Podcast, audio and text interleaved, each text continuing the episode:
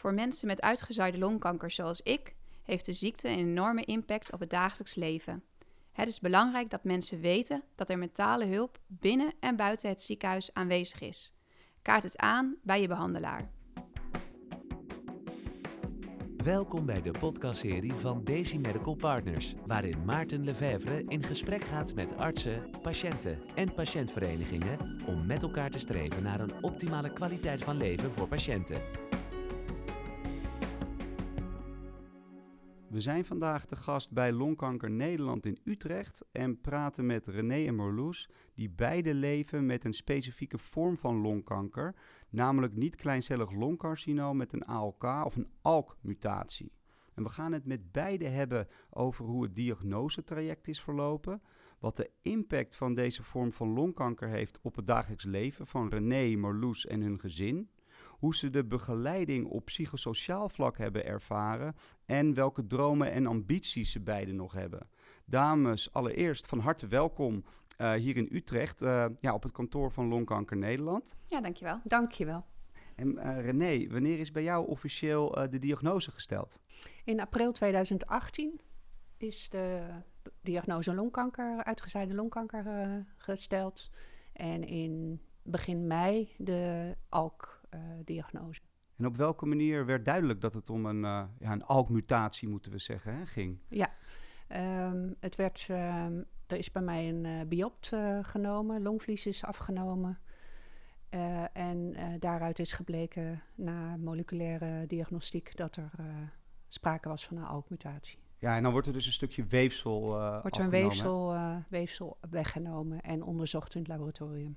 En Marloes, wanneer ben jij gediagnosticeerd uh, met niet-kleincellig longcarcinoom en uh, hoe verliep bij jou dit uh, proces? Ja, ik zat er net daarvoor. Um, september 2017 is het bij mij vastgesteld dat ik uitgezaaide longkanker heb. Er is het traject aan vooraf gegaan, waardoor ik, ik had last van mijn rug, ging heen voor een MRI-scan. En daaruit bleek ehm, uiteindelijk door een longpunctie dat ik uitzaaiing had in mijn longvocht. Toen zijn ze verder gaan onderzoeken en toen middels een botpunctie is uh, toen in oktober vastgesteld dat ik uitgezaaide longkanker had of heb. En uh, het heeft nog ruim een maand geduurd voordat uiteindelijk de alkmutatie is vastgesteld. Ja, want uh, ja, dat wilde ik aan je vragen. Hè. Is ja. dat proces soepel verlopen? Um, hè, wat was de kwaliteit van dat proces? Hoe heb je dat ervaren? Ja, um, dat proces is helaas niet helemaal goed verlopen. Um, ik heb namelijk te horen gekregen dat ik geen mutaties zou hebben in mijn uh, longkanker. En ik zou op gesprek gaan voor een chemotraject. Dat zou ik ingaan. Dat zou de optie zijn, mijn behandeling. En uiteindelijk is het aan die arts te danken dat hij nogmaals naar mijn dossier heeft gekeken. En daarin heeft uh, gezien dat er dus wel uh, ja, een positieve ehm, reactie was op de ALK-mutatie. Waardoor je eigenlijk geen chemo hebt hoeven krijgen. Nee, klopt. Nee, Jeetje. klopt. Ja, dus dat heeft een heel groot uh, impact gehad op de rest van mijn ja, ziekteverloop tot nu toe. Ja, dat kan ik, kan ik me goed voorstellen. Ja. En hoe is dat er bij jou gegaan, René? Ja, ik herken wel wat Marloes zegt. Ook bij mij ging het niet helemaal soepel. omdat het weefselonderzoek in, in stukjes werd opgeknipt. Dus de er werd steeds uh, op verschillende soorten uh, zeldzame mutaties getest, waardoor de periode heel lang duurde. En in de tussentijd heb ik in een specialistisch ziekenhuis een, een tweede mening uh, proces opgestart. Second opinion? Ja, en daar ehm, bleek uiteindelijk in het in het second opinion gesprek bleek dat de ALK-mutatie was vastgesteld. Maar dat hoorde ik niet in het oorspronkelijke ziekenhuis. Dus dat was ook even. Toen heb ik ook langere tijd in onwetendheid gezeten over de, over de mutatie. Ja, dus heel belangrijk dat patiënten proactief zijn, als ik het zo hoor. Zeker. Ja. ja en had, zeker. wat voor symptomen had jij? Ik had uh, uh, last van kortademigheid bij inspanning. en een soort verkoude, grieperig gevoel, een lange periode. Maar. Ja. Ja. ja. En als jullie terugkijken naar hoe de diagnose bij jullie tot stand is gekomen, um, op welke manier kan een patiënt met jullie huidige inzichten zelf invloed uitoefenen om snel in het juiste diagnosetraject terecht te komen als de symptomen daar zeg maar aanleiding uh, toe geven, uh, Marloes? Ja, het is natuurlijk altijd wel bij longkanker is het wel lastig, omdat die klachten niet altijd... Ja, longkanker wordt vaak ontdekt wanneer het al uitgezaaid is. Ehm, maar ik denk dat het belangrijkste is dat je altijd je klachten serieus neemt... en daarmee op tijd wel naar een dokter gaat. En als jij voelt dat het niet goed voelt, uh, je wel laat doorverwijzen. En ik denk wat René en ik net ook al hebben gezegd, wat, wat wij zo hebben ervaren, is ga echt voor die second opinion. Ja, is dat, wil jij dat ook meegeven uh, in het diagnosetraject aan patiënten? Of? Nou, zeker als je. Uh, er is natuurlijk al redelijk snel duidelijk. binnen de eerste week eigenlijk al. Is er snel du al duidelijk. op basis van CT-scan en longfoto. dat er sprake is van een uitgezaaide ziekte. Um, dus en je wilt, uh, zeker op de leeftijd uh, die ik had bij diagnose, wil je zo lang mogelijk leven. Ja. Dus dat betekent, en ook zo fijn mogelijk leven leiden. Dus dat betekent inderdaad dat je een second opinion kan heel erg helpen in de, beste, de beste behandeling. alhoewel, ehm, ja, inmiddels veel ziekenhuizen het ook wel goed doen in de zin van alle, alle diagnostische tests ook loslaten op uh, longkankerpatiënten. Dus ja. En de psychosociale impact van niet-kleincellig longcarcinoom met een ALK-mutatie op patiënten is enorm. En ook lopen ze soms tegen andere problemen aan dan patiënten met andere vormen van longkanker, die vaak ouder zijn uh, als ze de diagnose krijgen. Dus hè, wat bij uh, jonge mensen uh, natuurlijk past is werk, het krijgen van een hypotheek, het krijgen en het hebben van kinderen. En Marloes, je bent nu 38 jaar. Uh, en niet-kleincellig longcarcinoom moet een grote impact op je leven hebben gehad. Um, ja, op welke manier heeft het je leven nu precies veranderd? Ja, dat, nou ja, eigenlijk in alle opzichten. Iemand, ik was 33 toen ik gediagnosticeerd werd. Ja, ik was op dat moment bezig met uh, carrière maken. Uh, we hadden op dat moment een zoontje van twee. We hadden nog een kinderwens. Ehm, we hebben al wel een huis, hadden we al gekocht. dus daarmee waren we safe. Dat hypotheekding vervalt? Ja, dat verviel gelukkig voor ons. Maar en, ja, natuurlijk nog steeds. Dus um, ja, inmiddels ben ik afgekeurd. Dus ik werk niet meer. Die carrière heb ik niet. Uh, kinderen ja, komen er niet, niet meer. Um, en nu wonen we gelukkig in een mooi, mooi huis waar we hartstikke tevreden en blij zijn. Alleen daar zal het ook wel bij blijven. Want een hypotheek, wat je net zei, ja, die krijg je niet meer.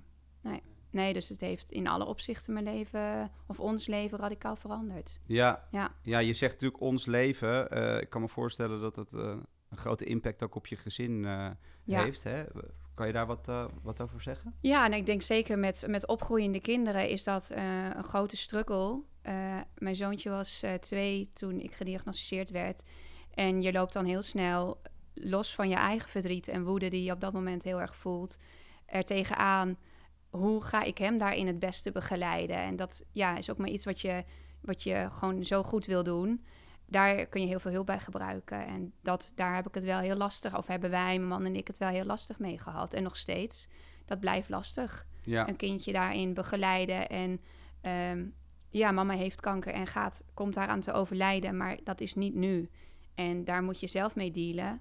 Maar op kinderniveau gaat het heel anders in een hoofdje rond. En dat, dat maakt het nog ook eens een keer weer extra zwaar. En, en nog een extra grote uitdaging. Ja. ja. en hoe kijk je naar de toekomst?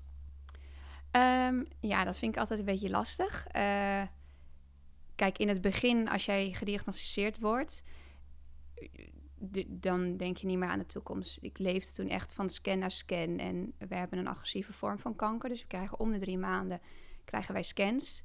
Um, je leeft van scan naar scan. En daar, daar durfde ik ook niet heel veel buitenom te plannen.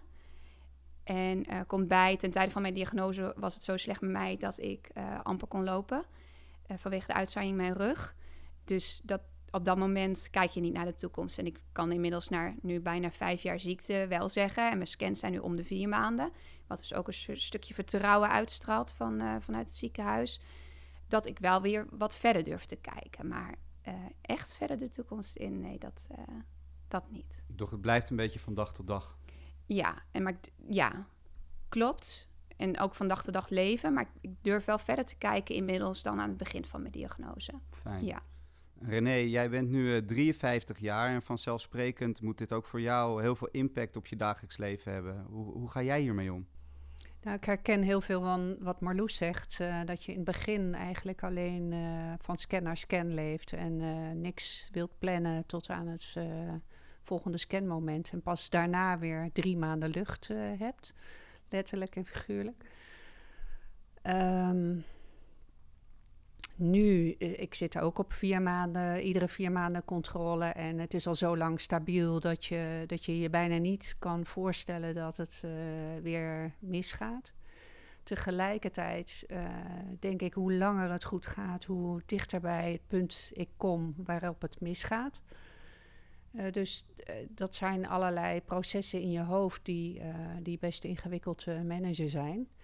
In het begin heb ik ook heel veel eh, zorgen gehad over, eh, ja, met name mijn kinderen. Ehm, alhoewel mijn kinderen eh, wat ouder waren toen, maar mijn dochter zat net in de brugklas. Ehm, mijn zoon, die was aan een vervolgopleiding bezig en zat in het eerste jaar van een vervolgopleiding.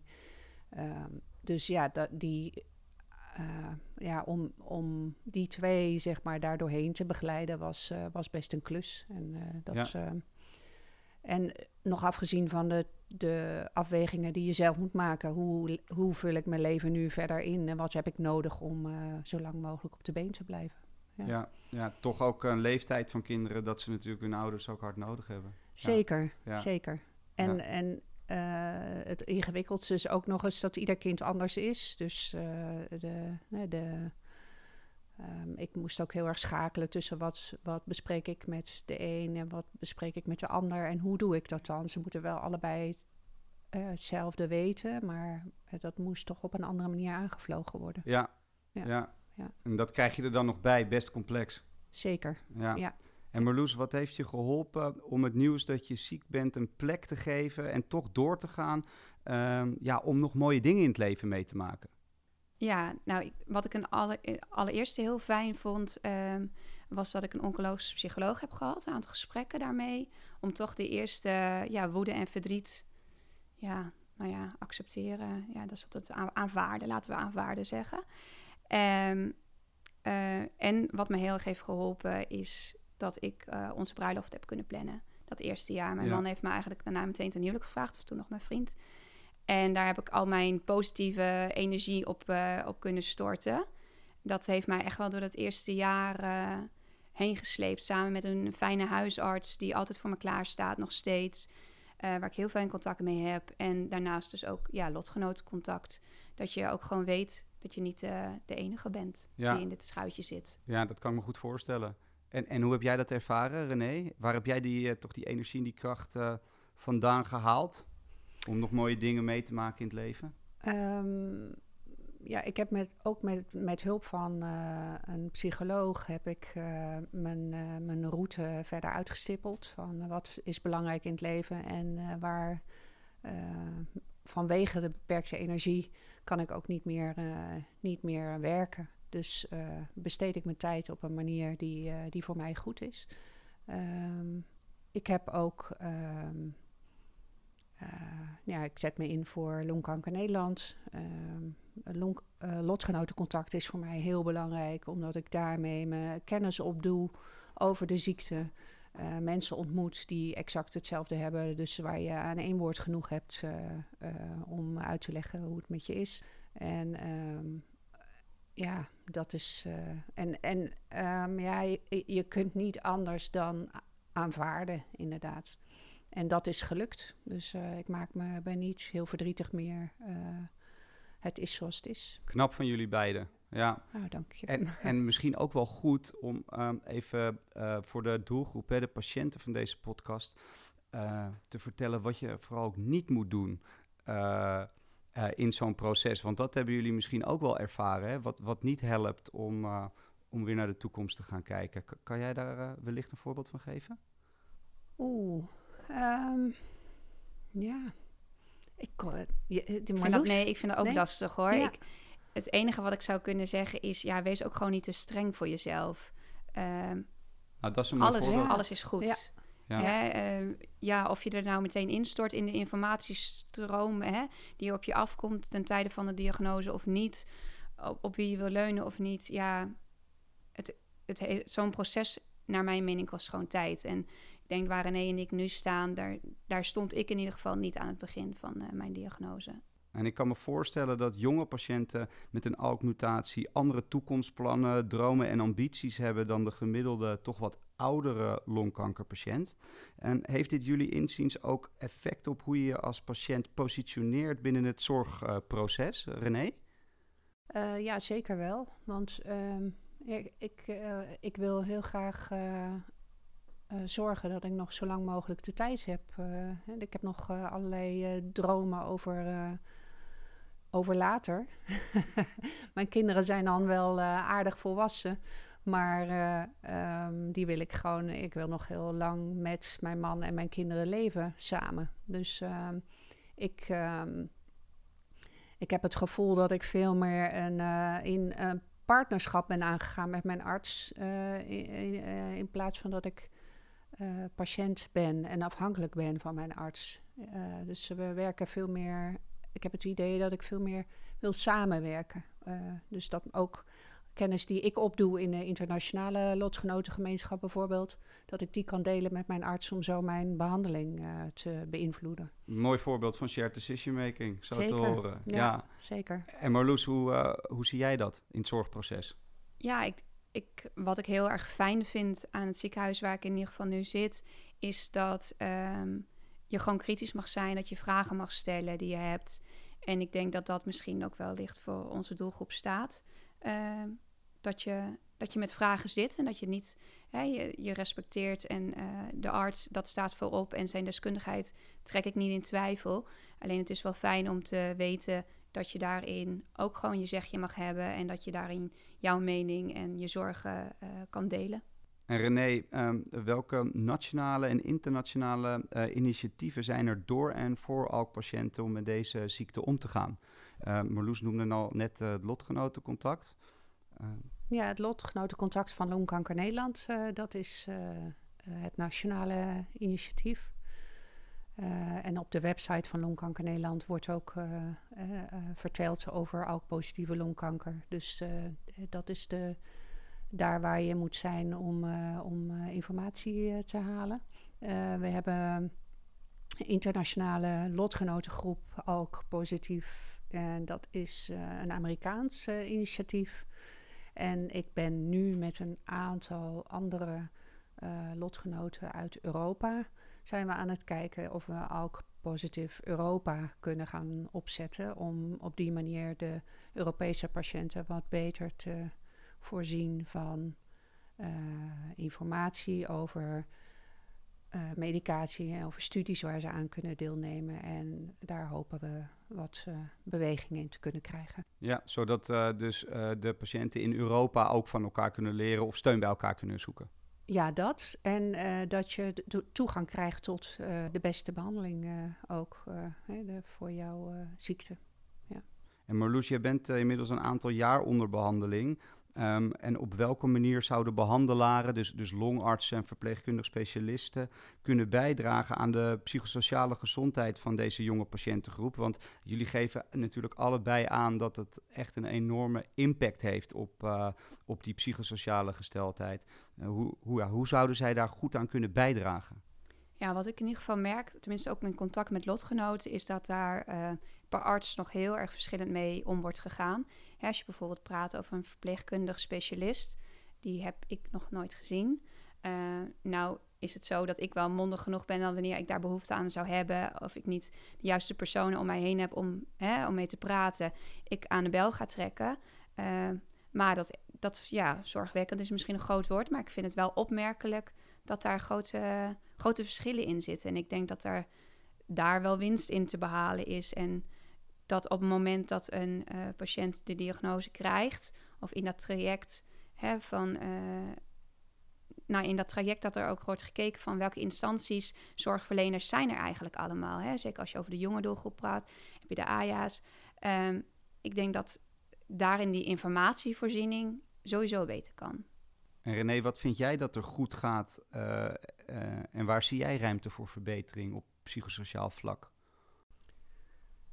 Ehm, ik, ik, vind het sowieso fantastisch dat er een, eh, een psychologisch eh, instituut bestaat, speciaal voor kankerpatiënten. Dus eh, die zijn helemaal gespecialiseerd in het begeleiden van kankerpatiënten en hun naasten op het gebied van nou, hoe leef je verder na, zo'n, na een diagnose. Eh, m- mijn zorgverleners, of in het ziekenhuis waar ik in behandeling ben, is er ook een centrum voor kwaliteit van leven. Ehm, dat weet ik, maar dat heb ik nooit van mijn arts eh, gehoord. Ehm, eh, wat Marloes zegt, informatievoorziening kan, kan daarin wel beter. Maar het, feit, het, is er allemaal wel. Alleen de weg daar naartoe weten patiënten misschien nog niet goed genoeg te vinden. Dus eigenlijk de proactieve communicatie van de zorgverlener over alle mogelijke initiatieven, die is niet optimaal, als ik het zo hoor. Eh, nee, die, Klopt. die kan beter. En ehm, een ALK-mutatie, hè, patiënten met een ALK-mutatie zijn vaak jonger. Eh, hebben jullie het idee dat ehm, eh, daar rekening mee wordt gehouden eh, in de psychosociale zorg? Als ik over mezelf spreek, eh, vanuit het ziekenhuis, nee. Nee, dus want dat is dan ook denk ik eh, heel belangrijk ehm, hè, als artsen hier ook naar luisteren, dat, eh, dat daar ook rekening mee wordt gehouden, want de impact kan natuurlijk veel groter zijn. Ja. Of anders zijn, misschien is groter niet het juiste woord, maar anders zijn. Ja, Ja. ik denk dat die, wat er allemaal is, want wat René net ook al zo mooi zei, er zijn inderdaad wel hele mooie instanties in Nederland die jouw hulp kunnen bieden. eh daarnaar waar jij behoefte aan hebt en op welk moment in, hè, eh, sinds de diagnose. En daarin zou je nog meer aan informatievoorziening kunnen doen. Ja, ook bij het begeleiden van kinderen bijvoorbeeld, of eh, de jongere volwassenen. Ja, daar wilde ik nog even kort op terugkomen, want we hebben het al over jullie gezin gehad natuurlijk. Eh, houdt die zorgverlener daar bijvoorbeeld rekening mee? Hè, dat, eh, dat ze vragen naar eh, hoe de gezinssituatie is en hoe jullie daarmee omgaan, René? Eh, ja, dat is in het begin wel gevraagd. Ja. En eh, mijn echtgenoot gaat ook altijd mee naar alle gesprekken. Ehm, het is ook zo dat mijn arts ook, ook aan hem vraagt hoe het met hem is. Ehm, ehm, wat mij wel opvalt in de loop der tijd, en dat is misschien ook het positieve van, van de arts dan natuurlijk, die is ook heel blij dat het zo lang zo goed met me gaat. Dat ze op een zeker moment vergeten om eh, eh, de, eh, eh, het moeilijke van de ziekte nog te benoemen. Ehm, dus we zijn allemaal blij dat het allemaal zo goed gaat. Maar na verloop van tijd hebt het een beetje ehm, de aandacht voor het, dat, dat je af en toe toch je slecht voelt. Of je mindere, mindere tijd hebt. Of dat er ineens toch weer allerlei existentiële dingen opkomen. Dat, dat ebt een beetje weg. Ja, ja dat is belangrijk dat Dus- daar wel rekening mee gehouden blijft. Ja. Want het is toch een angst waar je mee dat er leeft. af en toe toch nog eens gevraagd wordt over hoe, eh, ja, hoe, hoe deal je daar nou mee en gaat dat nog steeds goed? Of zijn er nieuwe vragen opgekomen in de, de loop der tijd? Of heb je weer opnieuw eh, ondersteuning en hulp nodig? Precies, ja. Ja. want Marloes, jij had het net over instanties hè, die er wel zijn, maar eh, waar niet altijd over gesproken wordt. Misschien nu een mooi moment om eh, die instanties ook te noemen. Ja, nou ja, je hebt natuurlijk het Helen Dowling Instituut en het Ingeborg Douwes Centrum, als ik het goed uitspreek. Ehm, die zijn er in ieder geval, dat is vanuit de oncologische psychologie kant, die je daarin kunnen begeleiden. Naast natuurlijk gewoon nog een psycholoog waar je terecht kan. Ehm, ik weet dat de huisarts heeft altijd een praktijkondersteuner in dienst, waar je, waar je heel laagdrempelig, eh, zoals ik erover kan oordelen, terecht kan. En er zou dus in elk ziekenhuis wel een verpleegkundig specialist eh, zijn die je ook kan begeleiden bij eh, ja, vragen waar je tegenaan loopt. Ja, maar we hebben het al even over de proactiviteit gehad. Dus als patiënten dit horen, hè, eh, maak het eh, bespreekbaar. Er is een Helling Down Instituut die er zijn voor de psychosociale ondersteuning van eh, patiënten. Ja, google erop. En voor, ehm, voor kinderen heb je bijvoorbeeld de website Kankerspoken, waar ze kunnen zoeken naar informatie. Ja, Ja, en ik denk wel dat je ook ehm, ehm, misschien voordat je nog naar het Helen Dowling Instituut gaat, eh, ook bij je zorgverlener al kunt beginnen met vragen naar welke ondersteuning kan ik hier krijgen. in het ziekenhuis zelf. In het ziekenhuis, want ze- de, ze hebben eh, dat best wel eh, ingericht. Eh, er zijn allerlei eh, trajecten ook die je binnen het ziekenhuis kunt lopen. Alleen eh, je moet wel heel duidelijk zelf aangeven eh, dat je daar behoefte aan hebt. Ehm, ja, want dat wordt niet, eh, niet altijd heel goed eh, Aangedragen. aangedragen. Nee. nee, En een verpleegkundig specialist zou daar heel erg bij kunnen helpen. Of een vast contactpersoon. Eh, Ja. daar, daar pleit Longkanker Nederland ook voor, voor eh, vast contactpersonen. Ja, er moet echt over gesproken worden. Zeker. Ja. En als dat dan niet eh, door de zorgverlener gebeurt, dan eh, fijn als de patiënt er zelf over kan beginnen. Ja. Jullie hadden het net al over een stukje informatievoorziening en kennisdeling. En ik kan me voorstellen dat er veel afkomt op een patiënt die wordt gediagnosticeerd met niet-kleincellig longcarcinoom. Ehm, ja, hoe hebben jullie dat ervaren, Marloes? Ja, nou ik moet sowieso zeggen, in het begin komt er zoveel op je af. Hè? Alles is nieuw, je zit helemaal niet in die wereld. Ehm, dus het is wel in het begin zoeken, zoeken naar informatie. Eh, Longkanker Nederland is daar meteen, kwam bij mij meteen naar voren als fijne website waar je veel informatie kunt vinden, waar je je vragen kunt stellen. En zodoende kom je ook op de Facebookgroepen voor de lotgenotencontact.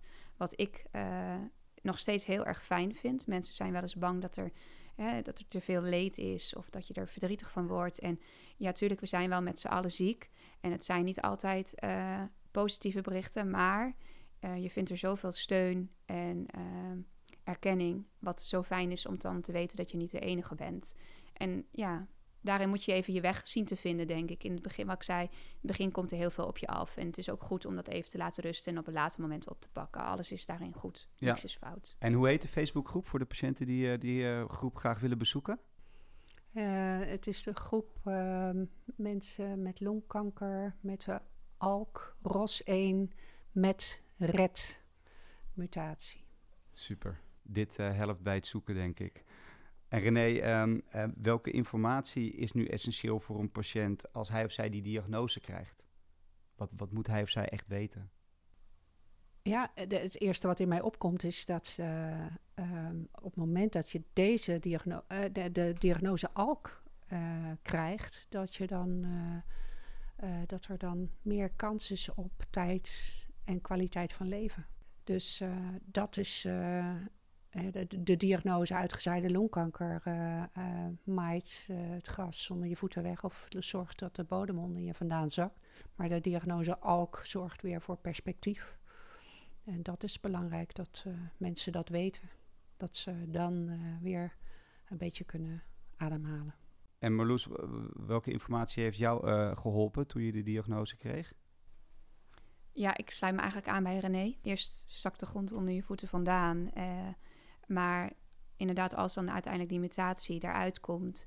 ja, dan kun je toch weer even wat rustiger ademhalen. En dan, ik merkte meteen aan mijn lijf... Hè, wat ik aan het begin van de podcast zei... ik kon niet meer lopen, amper lopen. En ik begon met de doelgerichte therapie. En nou, ik knapte binnen dagen, een week, ik, ik knapte op. En nou, kan nu eigenlijk bijna zo goed als alles eh, weer doen. Ja. En geen chemo? En geen chemo. Nee, Nee, nog niet. Gelukkig niet. niet. Nee. Bij jou ook nog niet, eh, René? Nee, Nee. Eh, dus eh, mijn pillen doen het ook nog steeds. Dus eh, daar hebben we wel geluk mee. Het moet aanslaan. Daar is echt... eh, eh, bij sommige mensen werkt het niet. En dan moet je zoeken naar eh, andere medicatie. En, eh, nou, bij, bij, en als het goed aanslaat, kan het echt lange tijd eh, eh, het goed doen. En eh, die mazzel hebben wij Ja, gelukkig. Ja. Nou, dames, ik wil jullie ontzettend eh, hartelijk danken voor jullie openheid eh, en jullie verhaal voor deze podcast. En ik vond het eh, heel fijn om met jullie te doen. Ja, Ja. insgelijks. Nou, van hetzelfde. Deze podcast is financieel mogelijk gemaakt door Takeda. De hierin besproken meningen en ervaringen zijn afkomstig van de geïnterviewde persoon. Takeda heeft geen invloed op de inhoud gehad.